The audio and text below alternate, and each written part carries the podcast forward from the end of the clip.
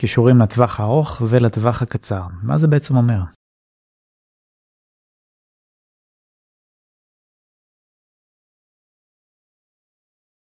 אז במסגרת השירות שלי של בניית קישורים, שואלים אותי הרבה פעמים על מה כדאי ללכת, על מה אני ממליץ, איזה נושאים, איזה זה, ואז בעצם מה שאני עושה, אני בודק את האתר. כל אתר מתחיל מנקודת פתיחה אחרת לגמרי, כל אתר בתחום אחר, אז זה גם מאוד תלוי בתחום.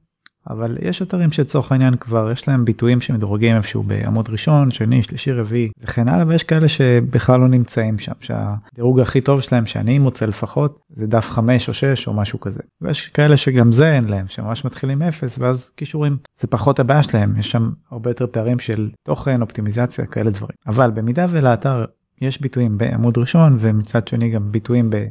דף 5-6 לרוב זה הביטויים התחרותיים יותר מן הסתם אז ההמלצה שלי זה לחלק את האסטרטגיה תוכנית הכישורים. לצורך העניין אם הוא קונה 20 מאמרים חצי מהם ללכת לביטויים שהם כבר בעמוד הראשון או עמוד שני מגרדים כזה את העמוד הראשון על מנת שיהיו הישגים לטווח הקצר החודש חודשיים הקרובים והחצי השני לביטויים האסטרטגיים הרחוקים יותר וגם התחרותיים יותר. ואז בעצם יוצא שהכל מתקדם במקביל אז ברגע שהביטויים הקצרי טווח נקרא לזה מתקדמים לעבר התוצאות הראשונות זה נותן גם מוטיבציה ודרייב ללקוח להמשיך עם התהליך הזה קורה שזה עובד והשאר הביטויים הרחוקים יותר אני מסביר תמיד שזה תהליך שהוא הרבה יותר לטווח ארוך לקדם ביטויים קשים כי יש הרבה יותר פערים לצמצם מול מתחרים ואז בעצם עושים מעין בלנס כזה של קישורים לטווח כזה קישורים לטווח כזה רצים עם זה תקופה ברוב המקרים זה עובד מאוד יפה במיוחד גם שעושים תוך כדי שיפורים באתר עצמו כתיבת תוכן אופטימיזציה וכאלה דברים.